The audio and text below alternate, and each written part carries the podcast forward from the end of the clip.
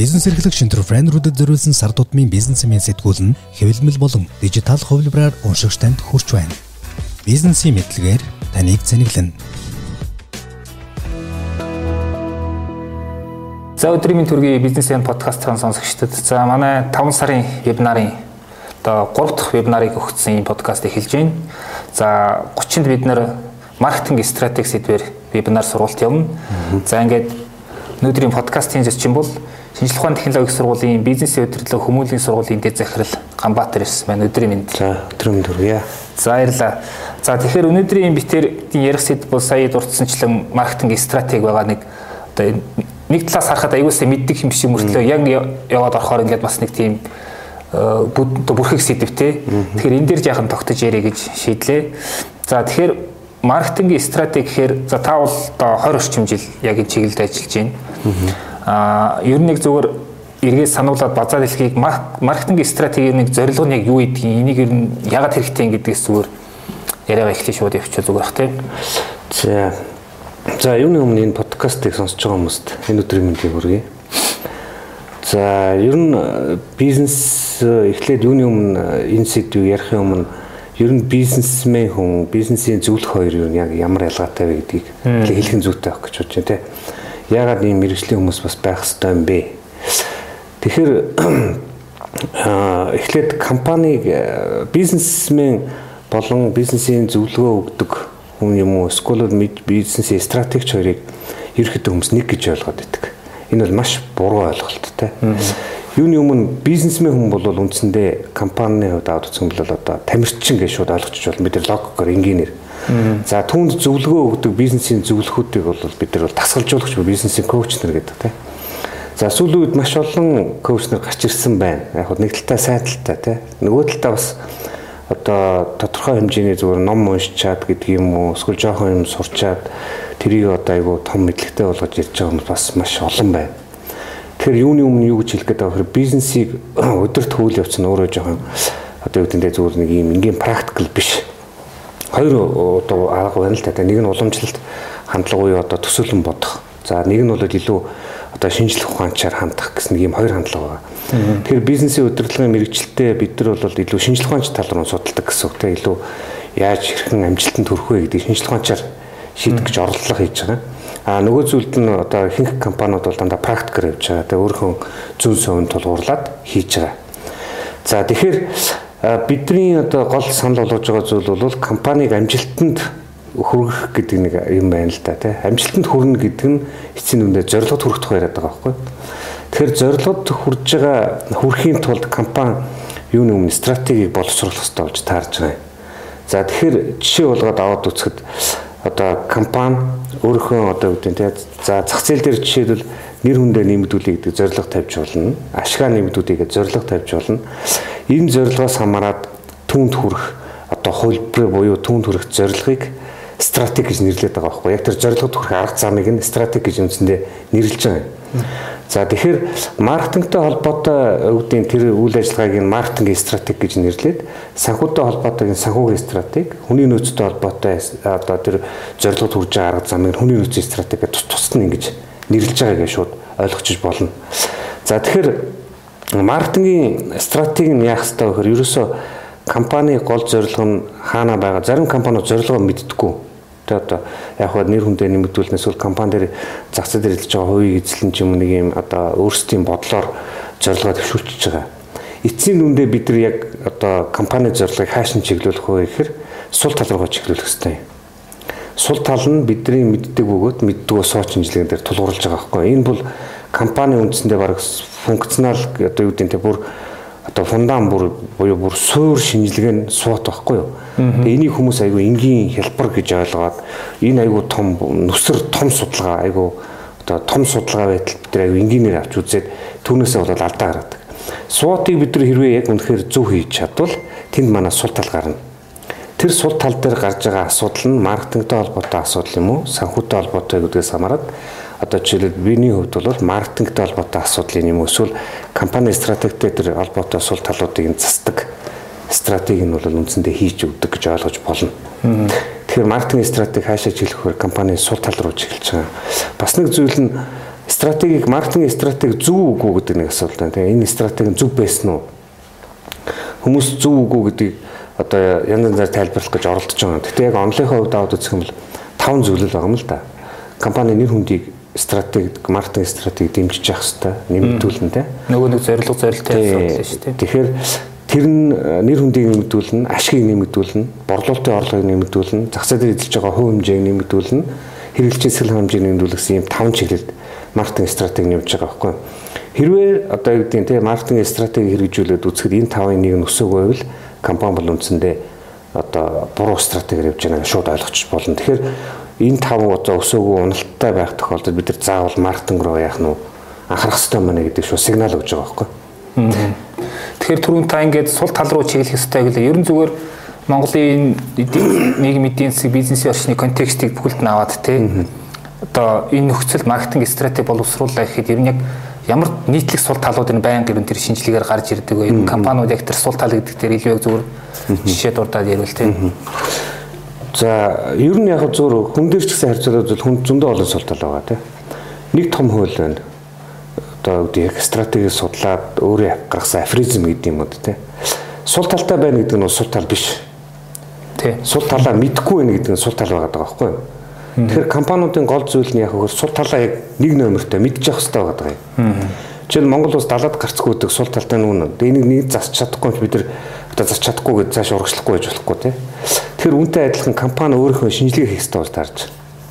Ер нь ихэвчлэндээ одоо юу гэдэг нь түгээмэл байдаг гэх юм бол дандаа л нөгөө бүтээгдэхүүнтэй холбоотой гэдэг юм уу? Эсвэл зах зээл дээр хэрэглэгчийн одоо нэр хүндийг эргэдэгчдэр байж байгаа нэр хүнд нь буурдаг. Эсвэл компани одоо эзэлж байгаа хувь хэмжээ буурдаг ч юм нэг ийм ерөнхий гол гол юмуд гарна. Тэгэхээр компани жил дунджаар хамгийн макстал гурван сул талыг устгах чаддаг. Яг тэр чинь нөөц хэрэгтэй болно тийм одоо жишээлбэл бид нар бүтээгдэхүүний чанар муу байна гэж үзсэн бол бүтээгдэхүүний чанарыг сайжруулахын тулд тэнд магадгүй технологийн шинжилгээ хийх хэрэгтэй болно гэдэг айгүй олон араасаа нөөц тул одоо гарч байгаа. Тэгэхээр компани стратегийг хэрэгжүүлэхийн өмнө заавал нөөцийг одоо шинжилсэн байх хэрэгтэй байгаа байхгүй. Тэгэхгүй компани стратеги ихэнх компаниуд одоо яаж байгааг нь харагдахаар ингэж харагдаад байна. Стратеги боловсруулах гэж байна. Тэгчээд тэр стратегийг одоо хэрэгжүүлэхэд нөөц байхгүй болчихж байгаа байхгүй юу? Тэгэхээр юу гэж хэлж байгаа вэхээр стратегч нар бол яаж байгаа вэ гэхээр эхлээд компаниг онцлно. Онцлогоо нь одоо хүмүүс бол имра хийнэ гэж яриад байдаг тийм. А бизнес дээр бол энэ суу шинжилгээ байхгүй яг бүтэн хүний имратай адилхан хийгдэх шинжилгээ нь суут байхгүй. Бид нар суутыг буруу хийчихвэл нөгөө хүний онц худлаа гарна. Тий. За тэнгүүд таны одоо үүдээ зүрх өвдлөө гэдэг дүнэлт гарвал компани түнтэй адилхан одоо үүдээ компани ашиг нь буурж байгаа гэдэг ч юм уу сигнал өгч тий. Тэр компани өвчлөж байгаа цэгийг бид нар олох гэж штэ. За тэгвэл түүнийг засах болно гингүүд засах тэр жор бичиж өгж байгаа стратегийн төлгөө гэж нэрлэдэг байгаа юм. Тэр жорыгоо. Аа тэр жорнд гэдэг чинь нэг им им ч юм уу одоо хүнээр бол нэг им тариа авчиж тэр өвчнийг имчлэн тий. А тэгвэл компани тэр жорыг юу гэж хэлж байгаа вэ гэхээр компани түүнийг авахын тулд тэр нь одоо технологийн шинжилэл хийх байж болж байна, брендинг шинжилэл хийж болж байна зөв. Эсвэл магадгүй шин дэлгүүр нээх байж болж ингээд тэр зардал буюу тэр жоронд гаргаж байгаа зардлыг компани урьдчилаад яах нь вэ? тооцсон байж иж стратеги нөлөө ивэл амжилтанд хүрж байгаа юм. А тэгээд сул талаа өрсөлдөгч компанийн сул талыг хараад тэрнтэй адилхан даган дүрээ чих гэдэг энэ боломжгүй. Бүх хүн өөр гэдэгтэй адилхан бүх компаниуд өөр. Ижлэгэн компани байж болно нэг талбар дээр адилхан одоо ажиллах хүчинтэй адилхан бүтээгдэхүүн гаргадаг байж болно. Гэхдээ тэр хоёрын соёл нь өөр, тэ санхүүгийн боломж нь бүх юм нь өөр байхгүй. Тэгэхээр юу гэж хэлэх гээд байгаа хэрэг хүн хүн өөртөө даарсан хувьц авдагтай адилхан компани тэр стратеги хэрэгжүүлэхэд тул компаниг өөрийг нь яг судлаад яг компани өвчлөл нь хаана гарч байгаа нь тэрийг одоо үүдээ нөгөө компани одоо тэр зүйлийг засахтаа нэг арга замаар зассан байж болно. Тэрийг даган дүүрээ засаж болохгүй. Одоо үүдэн толгооны одоо им гэхэд мянган им байдагтай адилхан. Хэрвээ магадгүй зах зээлийн эзэлж байгаа хөрөмжийг алдж байгаа гэсэн дүгнэлт гарвал нөгөө өрсөлдөгч компани тэрийг хийгээд амжилтанд хүрсэн байж болно. Нэг арга зам хийгээд те. А тэгвэл манайх тэр стратеги шууд хэрэгжүүлж болохгүй байхгүй юу? Манайх өөртөө тохирсон тэр стратеги боловсруулахгүй бол тэдний нөөц нь өөр манай нөөц нь өөр байгаад байгаа дээрэс нь яг зөв хүмүүс ярихдаа монголчууд одоо хөгжихгүй байна гэж яриад байдаг ч юм нэг яриад байгаа. Гэхдээ бид нар стратеги боловсруулахдаа яастай вэхэр хятадын хүн амын нөөц гэдэг нөөц нэг өөр. Монгол улсын хүн амын нөөц өөр.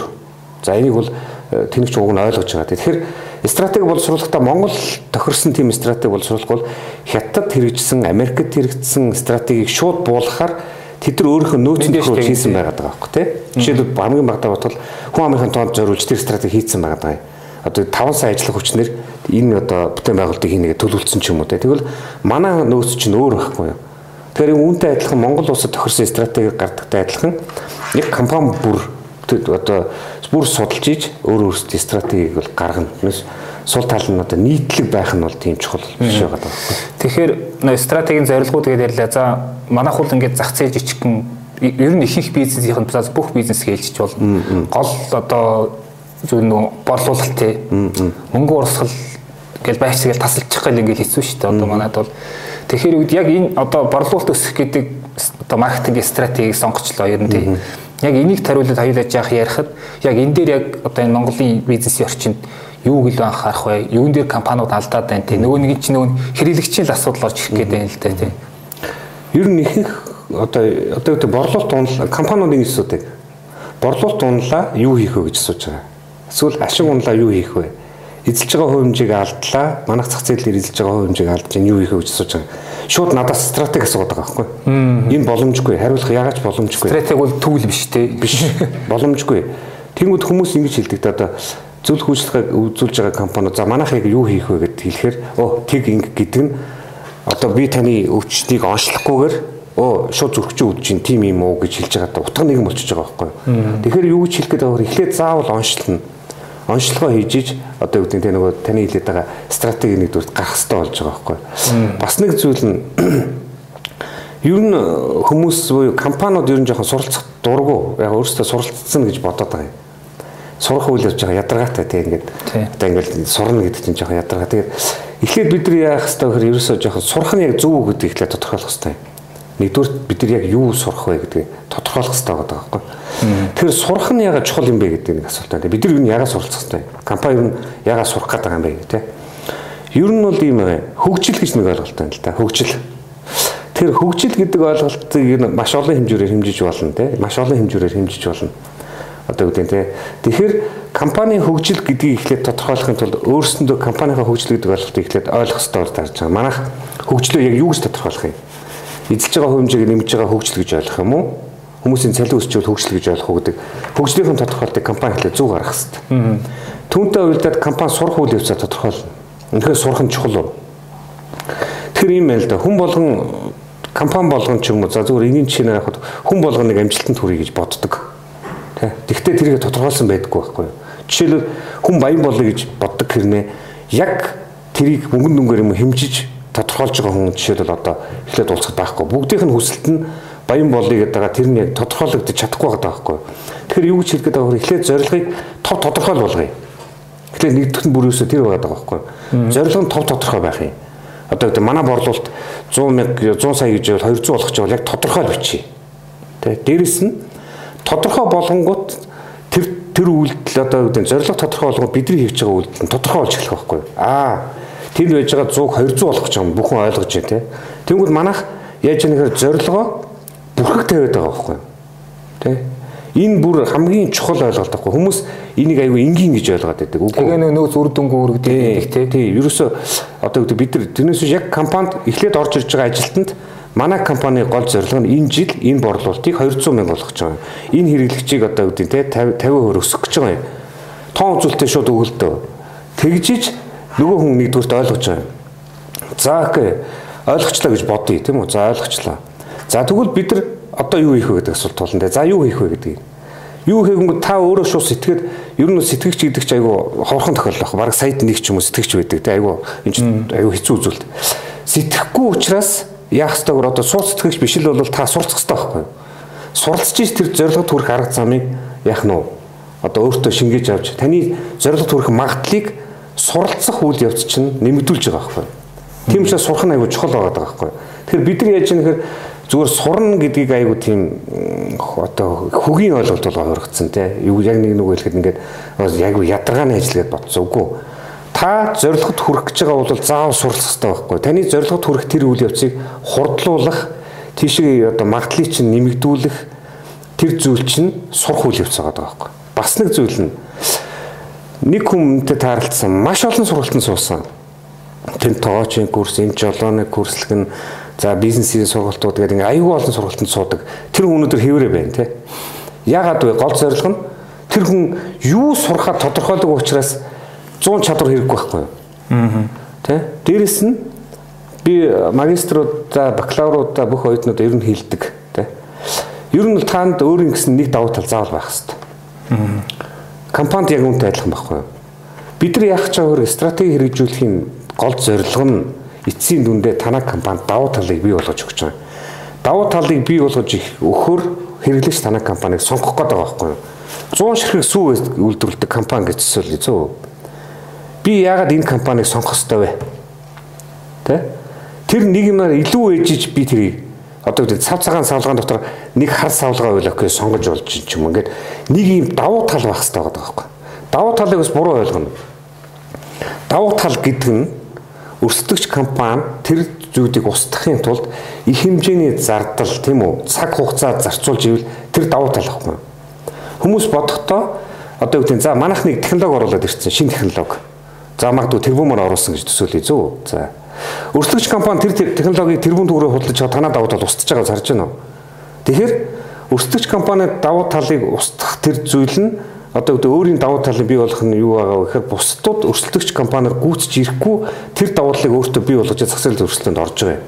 Тэгмэд одоо компанид очиж асуухаар танаа яг давуу тал юу вэ гэж асуухаар хариулж чаддаггүй. Одоо жишээлбэл та өөрийнхөө давуу талыг жишээлбэл яг хэлж чадах. Одоо миний давуу тал яг энэ.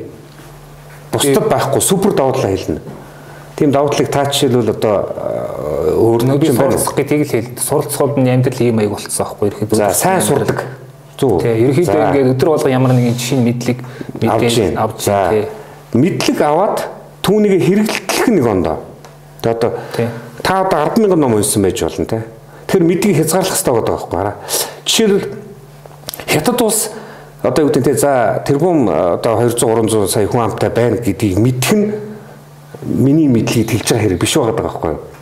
Тэгээ одоо эсвэл одоо юу гэдэг те одоо хаана одоо пингвин амьдэрдэг вэ гэдэг нь энэ чухал мэдлэг биш байгаа байхгүй юу. Тэгэхээр бид нар яаж ийм нэхэр суралцах үйл явцгаа тодорхойлохдоо ямар мэдлэг нь чухал вэ? Энд чинь ингээд бүр том далаа байхгүй юу. Тэ суралцах үйл явц нь хэдэн зуун сая сэдв байна. 100 сая сэдвийг суралцвал дуусахгүй учраас өөртөө хэрэгтэй нэг сэдвийг сонгож аваад тэр лүгээр гүн шумбах хэрэгтэй бол тарж байгаа байхгүй. Тэгэхээр тэр зүйлээ мэдж аваад тэр зүйл дээр тулгуурлаад тэр зүйлээ сайн хийж байгаа хүмүүс юм уу эсвэл тэр бүтээгдэхүүнийг яг тэр үйлчлэгийг сайн хийж байгаа компаниуд өнөөдөр яг дэлхийд дахин толгойцож байгаа байхгүй. Яг л нэг л зүйлийг сайн хийж байгаа. Машиныг яг л хамгийн төгс хийж чинь, утсыг хамгийн төгсөл хийж чинь, ундааг хамгийн төгсөл хийж чинь тий. Тэгэхээр юуг төгс хийж байгаа. Тэгэхээр тантай адилхан суралцдаг хүн танаас илүү суралцдаг хүн хэрвээ байж ивэл таны давуу тал устж чинь харж байна уу? Устж байгаа бол яг үнтэй адилхан танай компани давуу тал устж байгаа л хэрэглэж ягаад танахыг сонгох ёстой вэ? Боломжгүй. Тэгэхээр юу гэж хэлэх гээд хэрэг та өсөлтөнд орж байгаа бол стратегийн гол ялгарл нь танай компани давуу талыг бий болгох ёстой тийм ялгарлал байх хэрэгтэй байхгүй. Өөрөөр хэлбэл бусад ингээд дуурайгаад устгах боломжгүй. Хэцүү те. Тэгээ одоо жишээлбэл өсвөл бид нар ярьдаг те хаан банк хаан банкны нэг номерын давуу тал нь бүх одоо сум те бүх дүүрэг бүх одоо газар салбартай. Энийг голомт банк ийм хэмжээний салбарыг эзлэхийн тулд голомт банк хэдийн хэмжээний мөнгийг зарах уу? Тийм биз дээ. Петроусын давуу тал яг үнтэй адилхан байхгүй те. Тэгэхээр тэр давуу талаар би өрсөлдөж чадахгүй, зээлээр орж чадахгүй. За тэгвэл би өөр нөгөө талаа давуу талаа бий болох хэрэгтэй байгаа байхгүй. Нөгөө давуу талаа. Яг зөв шүмжлэлтэй хандахад би өөр яг стратегичийн нүдээр харахад одоо жишээлбэл үр холбооны компаниуд дотор ингээ харахад жишээлбэл G-Mobile-ийн юм уу Skytel яг ялгарлал нь байхгүй. Яг юу давуу тал юм гэхээр нэрлж чадахгүй. Тэ ингээд Mobicom бол анхдагч хамгийн олон хэрэглэгчтэй гэдгээр ялгарч байгаа ч юм нэг юм нэг давуу тал байна л да. Тэгэхээр дараагийн хэрэглэгч тухайн компанийг сонгож авахын тулд яагаад тэднийхээ сонгохоор нэг давуу талтай үжээ сонгох гэдэг байгаа байхгүй юу? Та жишээлбэл атардлахыг хэрэглэдэг бол амт нь гоё учраас сонгодог ч юм уу зүү. Эсвэл тэр ундааг авахтаа тэдний самбаглаа болно гоё, хэрэглэхэд гоё, эсвэл олон төрөлтэй, үн хямдхан гэдэг нэг юм давуу талыг бодож авч байгаа. Эсвэл тэр бүтээгдэхүүн түгэлтийн суг нь ойрхон учраас ч юм уу танаа хамгийн ойрхон дэлгүүрээ байршуулж учраас та сонгож орж байгаа байхгүй. Coca-Cola-гийн давуу тал нь жишээлбэл бүх түгэлтийн сугууд хаа байсан одоо дорж должингийн дэлгүүр байсан ч хамаагүй ганцхан кола байх бол 50 гэдэг энэ стратегиэр одоо жишээлбэл явж байгаа байхгүй. Тэгэхээр өөртөө компани заавал нэг давуу талыг бий болох хэрэгтэй. Аа. Тэгэхээр яг хуу таны саяны ярианаас ийм дүгнэлт хийх гэдэг л дээ би зүгээр та хэрэг жоохон буруу ойлгосаар үүдгийг одоо тэр бусдыг таны өрсөлдөгч дуурайгаад ингээд устгахад хэцүү эсвэл боломжгүй байна гэдэг чинь бол одоо үүдгийн тухайн тэр нэг ялгаралдаа илүү их одоо нөгөө нэг юм одоо мэдлэг гэх юм уу? За нөө хав ч юм уу? За бас зарим тохиолдолд инновац гэж яриад ер нь мэдлэг хэр шингэж хэр тийм сүнслэг чанартай болж чадна тэр хэвээр хэвээрээ одоо давуу тал болно гэж ойлгох гээд байна. Давуу талыг ямар ч үгээр хийж болно да. Технологийн давуу тал ч хийж болно, мэдлэгийн давуу тал ч хийж болно. Жишээлбэл манай ажлагч одоо сайн боловсралтай гэдэг чинь жишээлбэл давуу тал байж болно те. Одоо үүдээ үйлчлэгээний байгууллага тэр аягүй чухал те. Тэнгүүд манай бүх ажлагчид аягүй хурдтайгаа сурдаг, бүгд илддэг, харьцдаг гэдэг нь танаа давуу тал байж болно. Тэ эсвэл танай компани одоо чи Швейцарын банк гэж ярьдаг. Тэдний давуу тал нь найдвартай байхгүй юу? 100 жилийн дараа байх л ёстой. Энэ хүмүүнлээ бүр суудсан байна. Тэгэхээр манайх банкудаа ингээд жишээлбэл зүгээр жишээ авч байгаа тийм. Банкуудыг нэрлээ давуу талыг хэлэх гэхээр хэлэхэд айгүй хүндрэлтэй байгаа байхгүй юу? Тэгэхээр бид нар яагаад тэрийг сонгох хэрэгтэй вэ те? За магадгүй хаан банк хамгийн ойрхон учраас бүх хүмүүст одоо цэгүүд нь байдаг учраас бид нар хаан банкны хэрэглэж болцсон байх чинь ч юм уу те. Тэгвэл бусдууд нь тэр давуу талыг олж авахын тулд тэр нь бүх хэлбэрт байж болно. Бүх төрөлд. Тэ одоо одоо технологийн хувьд байж болно, ажлагчдын хувьд байж болно, бүтээгдэхүүний хувьд байж болно, хуваарьтай сууг байж болно. Яг ямар давуу тал байж болох юм. Тэрийг л өөрсдөө тодорхой болгож гаргаж ирж ийж зах зээл дээр тавил хэрэглэж танахыг яах нь сонх магадлал нэгсэн. Энд стратегийн гол зорилго нь орж байгаа байхгүй юу? Ер нь бол. Аа тэгвэл яг манай подкаст ингээ нөгөө B2B буюу ниш зах зээл дээр ажилладаг одоо хүмүүс их сонсдог л да. Тэгэхээр яг энэ дээр бас холбогдож асуух гэдэг нь л да. Одоо юм байгууллагын зах зээл дээр ажилладаг бизнесүүдийн хувьд яг маркетинг стратеги боловсруулалтаас анхаарах зүйл бас нийтлэг алдаа гэдээ асууя л да тийм. Энэ бол худлаа. Тим бэдгүү. Би зөвхөн шууд хэлгээд те. Хүмүүс ингэж ярьдаг. Тим юм хийгээд одоо амжилтанд хүрнэ боломжгүй. Юу ч хэлэх гээд байгаа гэхээр тэр зүйл чинь бидний унсан номнууд ямар учиртай номнууд вэ гэхээр тэр зүйлийн дандаа кейсүүд байхгүй те. Тэр хүн тэгж яваад амжилтанд хүрсэн. Тэр компани тим юм хийгээд амжилтанд хүрсэн гэж ярьж байгаа. Та тэрийг дуурах боломжгүй энэ худлаа Тэгэхээр юу гэж хэлэх гээд байгаа вэ? Өөр өөртөө тохирсон стратеги өөрөө боловсруулж иж өөрийнхөө замлаар өөрөө явна. Бид нар хин нэгнээс дөрөх гэдэг байгаа байхгүй. Бидний зааж өгөх ёстой юм нь юу вэ гэхээр ч моторны үндсэн ажилтг механизм нэг л системээр явж байгаа. За би машин бол мэдэхгүй. Гэхдээ үүнтэй адилхан стратеги боловсруулах нэг юм систем байгаа даа байхгүй. Тэр системийг та суралцжвал өөрийнхөө стратеги гаргаж ирээд өөрөө хийх хэрэгтэй байгаа байхгүй. А тэгэхгүй хин нэгний одоо юу гэдэг нь за Apple компани амжилтанд хүрсэн нууц тэрнээс суралцаа та юунд ч хүрэхгүй. Энэ тань зүгээр мэдлэг болно, туршлага болно. Тэрнээс биш та тэр хийсэн алхмыг хийгээд амжилтанд хүрнэ гэдэг нотлохоо байхгүй байхгүй. Аа. Манай би бол юу гэж хэлж байгаа нөхөр өөрөө та судлаад өөрөө судлах жоох зүгээр ер нь яг тэр нөгөө нэг одоо яг маркетинг стратеги боловсруулах тэр одоо степээр алхмуудаар нь зөв хийгээд стратеги зөв тодорхойлоод зөв төлөвлөгөө гаргаад зөв хэрэгжүүлж чадвал танай компани шууд амжилтанд хүрнэ байхгүй. Тэгэхгүй бид нар яагаад байна гэхээр хин нэгнээс ингээд тэр асуултын хариултыг олох гээд яваад байгаа юм. Би юу хийх вэ ч юм уу те. Тэгэхээр би юу гэж хэлэх гээд байна гэхээр бид нар өөр газраас уншиж байгаа туршлагууд нь зөв. Гэхдээ та тэрнээс тэр компани юу хийснийг л олж мэдчих хэвээр болохоос одоо юу гэдэг та тэрийг даган дуурайгаад хийж амжилтанд хүрэхгүй энийг шууд хэлэх. Тэгэхээр бизнес амьдралаар амьдраагүй учраас тийм боломжгүй. Дээрэс нь тэр үеийн валютын ханш одоо юу гэдэг буцаага бодоход тэр үед долларын ханш хэд байсан. Тэр үед одоо автомашины тоо хэд байсан гэхээр бүх үзүүлэлтүүд өөр байхгүй юу? Өнөөдөр байгаа нөхцөл байдал өөр. Тэр үед фэйсбુકийг мэддэггүй байсан. Өнөөдөр мэддэг болсон. Тэгэхээр бүх нөхцөл байдал өөрчлөгдөж байгаа учраас өөрөө өөртөө тохируулж өөрөө өөрийнхөө хувцсыг уралж байгаа. Өөрөө өөрөө өрсөлдөөнд орох. Өөрөө өөрийнхөө стратеги өөрөө боловсруулна Юу гэж хэлэх гээд байгаа вэ? Компани бүр тохирсон байх хэвээр. Аа зүгээр ингээд зөвлөмж хилүүлэх гээд байгаа учир нь одоо юу гэдэг за нэгдүгээр тэрэн дээр анхаар энэ дээр анхаар биш. Би бол тэгж хэлэх дурггүй. Тэгээ энэ бол худлаа зүйл. Аа яах вэ? Та зүгээр шууд стратегийн суут буюу зөв шинжилгээ хий. Тэгээ стратеги зөв гарга. Стратеги тэгэхээр бидэрт юунд сургаж байгаа гэхээр бид нар стратеги боловсруулалтын 80% нь сургаж чадна. Сургалтын процесс бол энэ 80% нь сургаж чадна. 20% нь нөгөө хүний IQ-ны төвшин өөрийнх нь сэтгэн бодох чадвар стратегийг яг боловсруулах тэр сонголт нь бол би бол одоо танай компаниг амжилтанд хүргэх юм 10 стратеги санал өгч чадна. Эндээс сонгох нь тэр хүний өөрийн зүүн совин, ур чадвар, өөрийнх нь потенциалаас хамаарч энэ стратеги сонгогдож байгаа байхгүй. А буруу яваад ихлүүд бид нар энэ буруу байна гэдгийг засч бас хэлж болно мэрэгжлийн хүний хувьд те. Тэгэхээр хүмүүс суралцахдаа тийм хариулт хайгаад байгаа байхгүй. Тэр хариулт бэлэн байх ямар ч боломжгүй. Тэгэхээр өөртөө өөрөө өөрийнхөө стратеги өөртөө боловсруулна.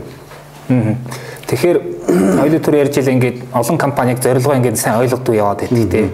Тэгэхдээ би бас миний бодсоор зорилго бол ингээд шууд одоо бизнес эхлэнгүүд бас гараад ирчдэг зүйл биш юм шиг. Тодорхой юу гэдгийг одоо процесс явагдчихэж, амьдрал явагдчихэж нэг болсон те ингээд мэдрэмжүүд бий болж иж тэндээс нэг юм зорилго одоо тэр зорилго тулгуурсан стратеги ч гарч ирэх гэдэг. Тэгэхээр зөв түрүүн та ингээд үе шатууд гэдээ ярьлаа. Ер нь яг зорилго ингээд тодорхой ойлгомжтой. За энэ л миний зорилго минь гэж ойлгодоо тий. Стратеги бий болоод явхад ямар үе шатуудыг дамждаг, ер нь хэвийн хугацаа шаарддаг. За энэ дээр зүгээр За яг компани дундаж стратеги боловсруулах хугацаа мөхцаа гэвэл нэг дундаж хугацаа ярьж болж байна тийм 3-4 сарын хугацаанд ерөөхдөө хийж болж байна.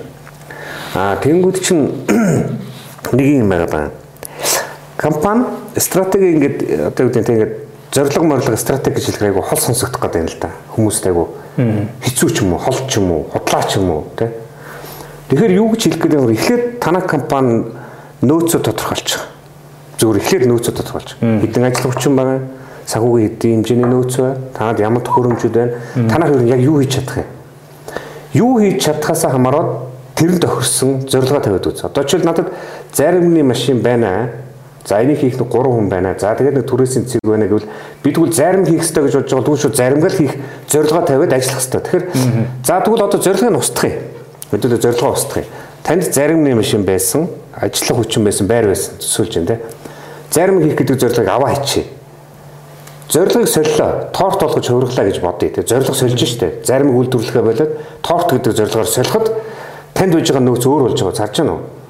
Зарим нэг машин хэрэггүй болж хөрж ш нөгөө. Зарим хийгээд хэрэгтэй байсан нөөц чинь зорилго солихоор энэ нөөц хэрэггүй болж хөрж байна. За тэгэхээр зорилгыг тавихтаа компани эхлээд өөрөө үүсгэн байгуулагдаж байгаа бол одоо манайх санхүүгийн компани болно гэж байгаа бол санхүүгийнхтэй холбоотой зорилгоо шууд эхлээд тавихгүй бол нөөцөн дээр тулгуурлаж зорилго тавихаар та тийшээ явах сонирхолтой ч үйл сонирхолгүй ч үж болно. Зарим нэг машин байгаад байдаг би зарим хийх сонирхолтой ч үж болно, үгүй ч үж болно зөв. Тэгэхээр юу гэж хэлэх гээд байгаа вэхэр компани эхлээд шууд зорилгоо шууд тавь. Бид нар зорилго тавихаас айгаад байгаа байхгүй.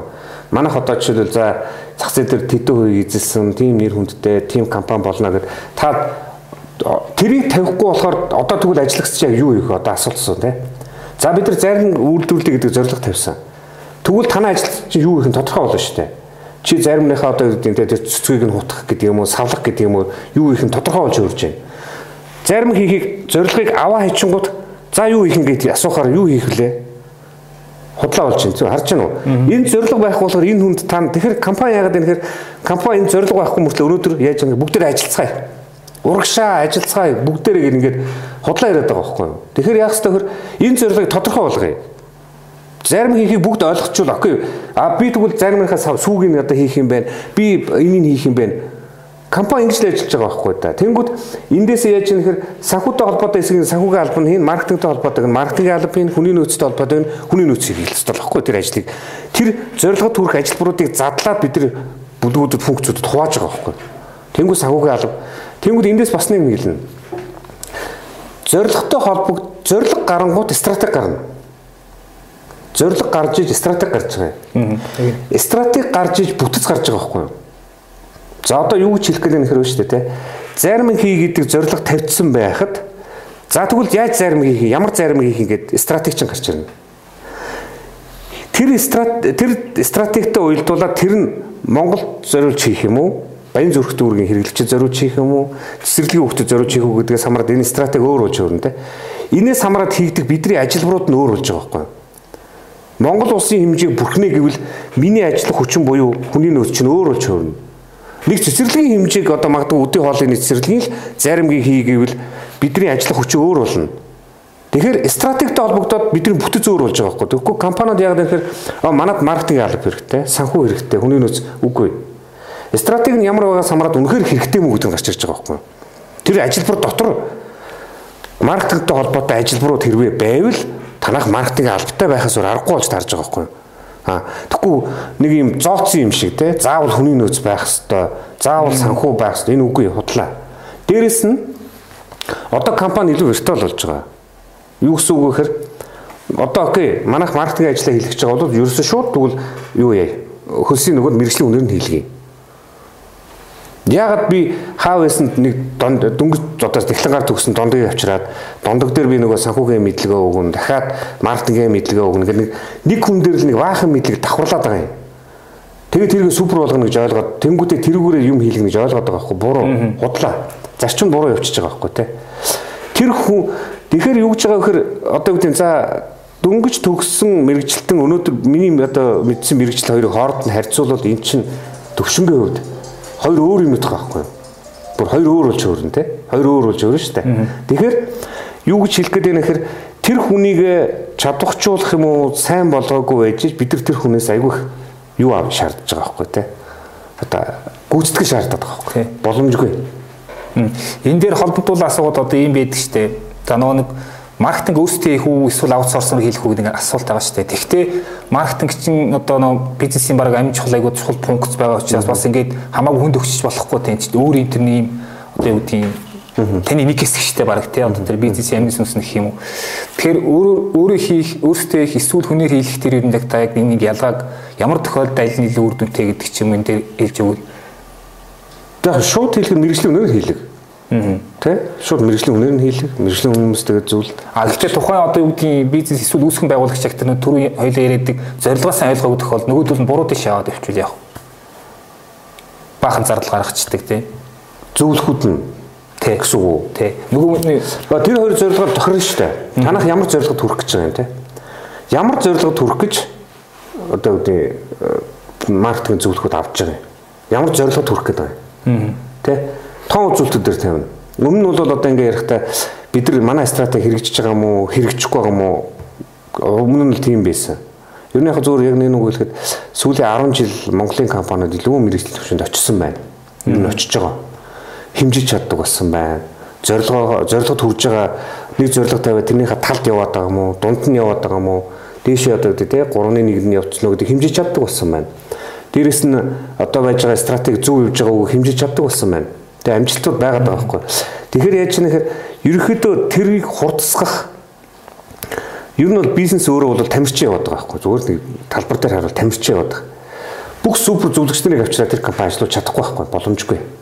Тэгэхээр зөв одоо стратеги гаргаад зөв төлөвлөгөө гаргачвал тэр чинь юу гэхээр төлөвлөгөө гэдэг чинь таны гарын авлага байхгүй юу? Энэ 5 жилд би юу юу хийхийг гарын авлага чинь. Аа 5 сард манай ийм хийх юм байна, 6 сард ийм хийх юм байна, 7-д ийм хийх юм байна. Хийгээд алдахгүй одоо болохгүй байвал хаана алдчих вэ, яач вэ ч үү те. За дээрэс нь ажиллагчдад солигдож байгаа. Чимгээ ажилдаа ирж байгаад ирэхгүй байж болно зөө. Ингээд тэрний ур чадвар өөр гэж болно. Ингээд тэр хүмүүс зориулсан төлгөө явж идэл чимгээ байхгүй болчоор стратеги зогсож болохгүй байхгүй. Орж ирээд нөгөө нөгөө компани дуусаад нөгөө төлгөөг нь хараад аа энэ хүний хүндсэн функц нь ийм хийх хэрэгтэй байсан байна. Тэгэхээр бид нар яаж яах вэ бүх хүмүүс зааварчлагыг бэлдэж өгөх хэрэгтэй байгаа байхгүй юу? Стратегийн төлөө гэдэг нь зааварчлага байхгүй тий. Яг ийм юм хийн. Та өглөө 9 цагт ирээд баг хуваараар бичиж өгөх болж байгаа юм. Нөгөө нэг ажлыг эзэнтэй тоотой. Тий, яг өглөө босоод та магадгүй нийтгүүд даваа гаргаа өглөө 9 цагт ирээд тэдэн хүнтэй ярьцлага хийгээд тэгэн тэгнэ гэдгийг бүр ингэж он сар өдөртөө бүр хуанли яг энийгээ бүр төлгөө гэж одоо хөтөлбөр гэж нэрлээд л он цаг руугаа хуваагаад зардлын нарийн гаргаж байгаа. Төлгөө болоод ерөнхий бүдүүрчлээд гарчна. Тэр төлгөө байхгүй одоо юу гэдэг за ажилчин ороод ирлээ. Компани хүн ороод ирлээ тийм нэг шинэ ажилтаа ороод ирлээ. Бид нар тэрийг юу хий гэж хэлэх хэрэгтэй байлаа. Төлгөө байхгүй бол юу хийх тухай хэн ч хэлж чадахгүй байхгүй. Зааварчлаа өгч чадахгүй тийм. Тэгэхээр бидний гол алдаа юу өрөөсөө эцсийн дүндээ бас хаана яваад байна гэхээр бид нар зааварчлагаа зөв өгдөг юм байна. Зааварчлагыг зөв өгөхгүй байдаг байхгүй юу тийм. Яг юу сурахыг нь өгөхгүй. Одоо жишээлбэл их компанитай гэдэг зүгээр хүүхдүүдэд бид нар ингэдэг сайн сур гэж хэлдэг зөв. Сайн сурах ёстой гэж хэлдэг. Хүүхдэлт гэдэг. Хичээлээ хийсэн үү гэж хэлдэг. Сурсан уу гэж асуудаг тийм. Юу сурах байгаа эцэг нь өөрөө мэддэггүй. Юу болох гээд байгаа. Юу яг сурах байгаа хүүхдээ. Хэн болох гээд. Тийм яг яг юу сурах байгаа. Бүх тэр хүүхд чинь одоо 14 5 хичээлийг үзээ супер байх боломжгүй байхгүй. Энэ ерөөсө боломжгүй байхгүй. Тэгэхээр хамгийн сайн сурах хэрэгтэй юм уу? Эсвэл тэр хүүхдийн чадвар тохирсон тэр хүүхдийн нөөц нь потенциал тохирсон тэр тэр зүйлийг сурах хэрэгтэй байгаа байхгүй та. Тэгэхээр компаниг үүнтэй адилхан өөрийнхөө орж иж байгаа ажлагчдыг оруулж ирэхдээ энэ хүнээр яг юу хийх гэж байгаа тэр чадчихвэл окей чад чадахгүй бол тэр дараагийн мэрэгжлийн хүний навчраа тавих хэрэгтэй бол тарж байгаа байхгүй. Тэгэхгүй бид нар яаж юм чадахгүй математик чадахгүй хүүхдэр математик бодлого орлого хийж байгаа байхгүй боломжгүй. Тэр чинь тий яг хуу дөрөв аргын тоонд суралцаж болно. Нэрээс бүгдийг одоо жишээл буцаага асууя л да. Яг одоо жишээл бид нар одоо синус косинус гэж яриад байдаг. Яг энийг одоо жишээл яг годомжинд явж байгаа эхний 10 хүнээс шууд асууя л да өнөөдөр жишээлбэл тий. Яг мэдгүй хин ч мэддэггүй. Юунд ашиглахыг хин ч мэдгүй. Эсвэл мөртөө та үзсэн байдаг зү? 10 жилийн синус косинус үзсэн. Үзсэн. Тэгтээ мартцсан. Юунд ашиглахыг та мэдхгүй тэгтээ. Мэдхгүй. Хэрэглэгдэх хүнийг мэдхгүй тий. Тэгэхээр бид нар харин юмаа сурахдаа зорилгоо хилдэггүй. Энийг би бүр 10 жилийн бүр одоо шүүмжлэлтэй ханд байгаа даа. 10 жилийн багш нараас асуухад мэддэггүй өөрсдөө. Юунд ашиглахыг мэддэггүй. Гэхдээ ер нь багш нар заримдаа юу заагаад байгаа ч ялгаагүй. Тэгэхээр яг заагаад байгаа. Тэгэхээр юу ч хэлэх гээд тэгэхээр нэгдүгээрт тэр сурж байгаа зүйл бидэрт яг юунд хэрэглэгдэх юм. Тэгээ тодорхой болгоё. Жишээлбэл би оюутнуудаа хэлдэг. Миний сургалтанд орж ирж сууж байгаа тохиолдолд та яг эхлээд юу сурах гэж орж ирсэн юм? Нөгөө зорилгын асуудал ахиж босч ирээд байна шүү дээ. Тэгэхээр бид нар дандаа зорилгогүй сурдаг байдаг байхгүй тий. Хаалгаар зүгээр орж ирэхдээ зүгээр л Тэгэхээр зорилгогүй яваад байгаа гэдэг чинь одоо 8 зөхөс гэж аваад үзвэл тэр хүн хаашаач явах магадaltaй байхгүй. Тэгэхээр компани хаашаач явж болохгүй байхгүй. Яг чиглэлийн зааж өгсөй байгаа даа. Тэгэхээр зорилго гэдэг нь бүр ингээ бүр нэг номер байгаа даа бид нар тэрийг хоёр номерыг хайчаад байгаа байхгүй. Тэгээ энийг одоо үүдээ бас одоо үүдээ өмнө нь бас одоо үүдээ шинэ багш байхтаа гэдэг юм уу эхний одоо үүдээ 10 жил бас өөрийгөө нэлээд мундаг бодчлаа гэж утсан. Сурчлаа гэж утсан. Буруу байсан. Сураагүй байсан. Энийг би бол нэг нөгөө хэлдэг дахиад суралцсан. Дахиад суралцсан. Тэгэхээр муурын хүн тухай хөл гэж байд юм л да. Хүн эхлээд мэдлэгтэй болж жагаад мэдлэгтэй болонгуудаа бага мэдлэгтэй болонгуудаа хүн ер нь тэр талаар бүгдийг мэддэг гэж боддог гинэ. Энэ ерөөсөө бүр хууль ахгүй юу? жохон мэддэг болчихвол тий одоо маркетинг бүхний ингэ хэмжээ хэлдэг тий одоо жишээл нэг маркетингийн ном уншаад ч юм уншингууд а ер нь бол маркетинг их амархан юм биш тий гэж боддог тэнгүүтээ тэргүүрээ ертөнцийг төсөөлөл тэргүүрээ бүгдийг сургаал тэр хайрцагтаа барай явчихж байгаа байхгүй юу Тэгээ явж хагаад бүр гүнзгий ингээд судлаа явахаар чадахгүй зүйл гарчиж байгаа байхгүй юу? Дахиад суралцсан. Яг 5 жил би дахиад суралцсан. Тэгэхээр 10 жил одоо үүдээ өөрийгөө мундаг гэж бодсон явж яснаа сүүлийн 5 жил дахиад суралцсан. Суралцсангуудаа юу ч мэдэхгүй гэж өөрийгөө ойлгоод дахиад суралцаад за одоо бол нилээн бас ерөн жоохон мэрэгчлэнээс ийм ярих хэмжээнд болчихжээ гэдгээ. Тэгээд зах зээл дээр байж байгаа зүгээр одоо үүдээ бизнесийн зөвлөхүүд эдгээр бас жоохон жоохон цензуртэй зөв шинжлэх ухааны талаас ярихгүй бол тий өөрөө нэг ганц хоёр ном уншаад эсвэл нэг одоо бусдын хэлсэн бас зарим зүйлийг буруу ойлгоод одоо үүдэн тий мэдхгүй байгаа нийгмийн хэрэглэгчнэр гэдэг юм уу одоо компаниуд гэдэг юм уу тэдэрт бас зарим нь бас буруу мэдээлэл өгöd байгаа нэг ийм зүйл бас зарим гэдэгтээ би холбогдуулаад бас нэг юм асуух гэдэг байна одоо ингээд бизнес яваад тодорхой борлуулалт бий болоод мөнгө хөрөмтөл бий болчлаа тий Тэгээд одоо ер нь ихэнх компаниуд маркетинг за одоо маркетинг хэрэгтэй гэл хийдэгтэй. Гэхдээ яг яагаад хэрэгтэйгээс ойлгохгүй. Нөгөө нэг зорилгын асуудал. Одоо юу гэдгийг энэ жижиг том бүх компани дээр харагддаг. Хийх ёстой гээл нэг дунд хугацааны стратеги төлөвлөгөөнд оруулаад тодорхой төс батлаад нөгөө маркетинг хилцтэй өгөөл. Тэгэл нөгөөдөл нь одоо янз янзын бодож эхлэв шүү дээ. Контент маркетинг гэх юм уу юу гэдгийг тэнд энд яа гээл нэг тэнд нэг хүнийг ивент итгий тэнд нэг үзэсгэлэнг одоо ивент итгий шиг тиймгээл нөгөө мөнгийг нөгөө нэг маркетинг одоо юу гэдгийг яг юм төрөх гэдэг ойлгоогүй мөртлөө зүгээр л эртэн мөнгийг зарж дуусгах нэг тийм юм явагдаад байна. Тэгэхээр юу гэдгийг яг энэ дээр та яг юу ажигласан бэ? Яагаад ер нь яг иймэрхүү процесс явагддгийг бизнесүүд зэн магадгүй зарим одоо зарим тий зарим бизнес маркетинг нэг чухал биш байж болно шүү дээ. Хэдийн ингээд лоялти хэрэглэгчд бий болцсон юу юу зардгийг сайн мэддэг те юу эрхтэйг сайн мэддэг байж болно шүү. Гэтэл ингээд маркетинг хэрэгтэй гэж ерөөсөө ингээд батлаа хийчдэг. Хэрэгтэй хэрэггүй яаж тодорхойлох вэ гэж асууж байгаа гэж ойлгож байна. Юу тийм те. Тийм. Тэр нь сигнал өгнө. Таван сигнал гэж түр хэлсэнтэй. Хамгийн анхны. Борлуулалт унжийн, ашиг унжийн, хэрэглэгчийн тоогоо алдчихээн. Аа хэрэглэгчийн сэтгэл ханамж унжийн. Манайх зах зээл дээр эзэлж байгаа хувь хэмжээ унжийн. Ийм сигнал ирвэл манайх анхаарах хэрэгтэй гэдэг нь шууд сигналдж байгаа байхгүй юу? Танд биеийн эмчил гэдэг дохио өгж байгаатай адилхан байхгүй тийм дохио өгж байгаатай адилхан тийм сигнал өгвөл а манайх тэгвэл маркетинг руу анхаарах хэрэгтэй юм байна. Аа. Товчхон гоё хариулт байлаа. Тэгэхээр бас нэг сүүлийн нэг юм асуулт та нөгөө нөгөө соц одоо шинжилгээ маань зөвхөн бизнес салбарт ерөнхийдөө нийгмийн нийгмийн эдийн аягүй олон салбарт ашиглагддаг тийм аа тий. Тэгэхээр та нөгөө сонгуулийн маркетингийн бас одоо стратеги дээр ажиллаж исэн гэсэн энийг зүгээр сонирхолтой ярихад энэ юу нэг ямар онцлогтой тийм чиглэл байна те энэ дээр ажиллаж исэн туршлага юм. За Монголд сонгуулийн стратегийн чиглэлээр сонгуулийн чиглэлээр ер нь бол нэг 40 орчим ном байд юм билээ. Аа за. Судлаад утсан те. Тэгээ би тэндээс ямар хариулт олгож ирсэн бэ гэхээр нэг түрүүний хэлсэн хэрхэн амжилтанд хүрэх вэ гэдэг одоо хэрхэн яг яаж ялах юм. Сонгуулийн зорилго бол ойлгомжтой те. Аа. Зорилго нь шууд тодорхой шүү дээ. Энэ бид нэр дэвшиж байгаа хүн ялах хэвээр. Тодорхой. Энд хариулт олох гэж тэр 40 гаруй ном уншсан байдаг. Хариултыг нь олж чадаагүй. За. Хариулт байхгүй байгаа байхгүй.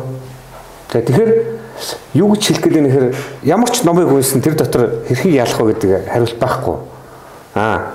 Ялахын тулд тэгэхээр би нөгөө бизнесийн стратегтэй уялдуулаад ер нь сонгуульд ялахын тулд бид нар юу юу хийх ёстой юм бэ гэдгийг л сонгуулийн стратеги төлөвлөдөг ном дээр бичсэн байхгүй юу? Юу хийх ёстой. Тэгэд энэ яг бизнестэй адилхан байхгүй? Бизнес дээр ийм юмнууд хийж ич стратеги гарвал бид нар ялна сонгуул дээр адилхан ийм ийм судалгаанууд хийгээд ийм ийм харьцуулт хийгээд одоо одоо яг өөрөө нэг судалгаа хийж үзэж байна. Одоо яг нарийн хэлээд яв. Гэхдээ тэн дээр юу гаргаж ирэх гэдэг вэ? Тэнд нэр дэвшиж байгаа хүн ямар дүр төрхтэй одоо хэдээс хэдэн насны ямар боловсралтай эсвэл нийгмийн ямар асуудалд анхаарлаа хандуулдаг те эсвэл тэгээд дээрэс нь юу гэдэг ямар чиглэлээр илүү мэрэгсэн одоо ямар одоо одоо юм зүйлийг ярьдаг байх Эсвэл одоо ямар намаас байвал тэр дүүрэгт ялах вэ гэдэг дүр төрхийг одоо өөрөө урьдчилаад би гаргаж байгаа байхгүй. Тэгээ яах гэж байгаа вэ гэхээр дараа нь сонгуул болоод тэд дүүрэгт ялах нэг хүн гарч ирнэ те ялна. Энэ хоёрын дүр төрх хоорондоо нийцж гин үдэг үзэх гээд байгаа байхгүй. Хэрвээ нийцж ивэл би судалгаагаараа яг тэр нөгөө зөв нэр дэвших хүнийг тэгвэл гаргаж ирж чадж байгаа мэнд дүгэлтэнд хүрэх гээд байгаа байхгүй. Тэгэхээр тэн дээрээс үндэслээд яах чагаар сонгуульд ялах арга гэж байхгүй. Одоо хүмүүс асууж байгаа тэр би яаж сонгуульд ялах уу? Тэ? А би бол судлаад бас ялагдах магадaltaй гэж болно шүү дээ. Ерөөсө ялахгүй ч хүн байж болно. Ерөөсө сонгуульд ороод хэрэггүй, тэ? Тэнгүүд эхлээд ялах уу? Одоо би ороод нэмэр байгаа уу, байхгүй уу эхлээд тодорхойлох хэрэгтэй. Дэвшгүй дэвшгүй, эс дэвшгүй. За дэвшлээ Танд ялах магадлал хэдэн хувь байна гэдгийг тодорхойлох хэрэгтэй байгаа байхгүй. 10% байна уу? 50 байна уу? 40 байна уу? Хэрвээ 10% байвал би ялахын тулд 90% юм хийх хэрэгтэй болж таарна да тий. Тэгэхээр тэрийг тэрийг тодорхойлж ийж яах нь тэрнийг юм механизм буюу яах нь систем гэж нэрлэдэг байгаа юм л да тий. Яг юу юу хийх үү гэдгийг тэрийг л гарах гэж оролцсон. Тэр гэхдээ өөрийнхөө супер гэж хэлэхгүй шүү дээ. Гэхдээ оролцсон. Унсан номнууд дээр тэр орлого байх байгаа байхгүй. Тийм яг тих. Нөгөө хүн бол харж хагаад аа эхлээд ингэх юм биш үү? Тэр хүн зөв ч хийж болно, буруу ч хийж болно. Гэхдээ яг зүгээр хийх оролдлогын иймэрхүү байх боломжтой юм а гэдгийг яах нь ном дээр бичсэн. Гэхдээ тэр чинь бол яг нөгөө нэг миний мэдлэгийн бол 40 хүн тэр дотор байж байгаа. 60% чинь өөр толгойдтой байж байгаа байхгүй тий. Тэрийг цаас нэр буулгах юм ямар нэгэн тэр одоо итгэл өмчлөр өгөх боломжгүй юмнууд бас байгаа даа л да тий. Аа. За баярлалаа. За ингээд хоёул өнөөдрийнхэн подкастыг өндөрлөе тий. За тэгэхээр Ганбаатар огш маань одоо энэ сарын 30-ны өдөр 19 цагаас вебинараараа уулзсан. За илүү маркетинг стратегид илүү аргачлал талаас нь ингээд ярилцсан асуулт хариулт тэнд мэдээж байна тий. За ингээд танд баярлалаа маа зочноор шинжлэх ухааны технологийн сургуулийн бизнесийн удирдлага хүмүүлийн сургуулийн дэд захирал Ганбаатар Орслоо амжилт хүсье. За баярлалаа. За Бизнес эрхлэг шинтер френдрүүдэд зориулсан сар тутмын бизнесмен сэтгүүл нь хэвлэмэл болон дижитал хувилбараар уншигч танд хүрч байна бизнесийн мэдлэгээр таныг цэнэглэнэ.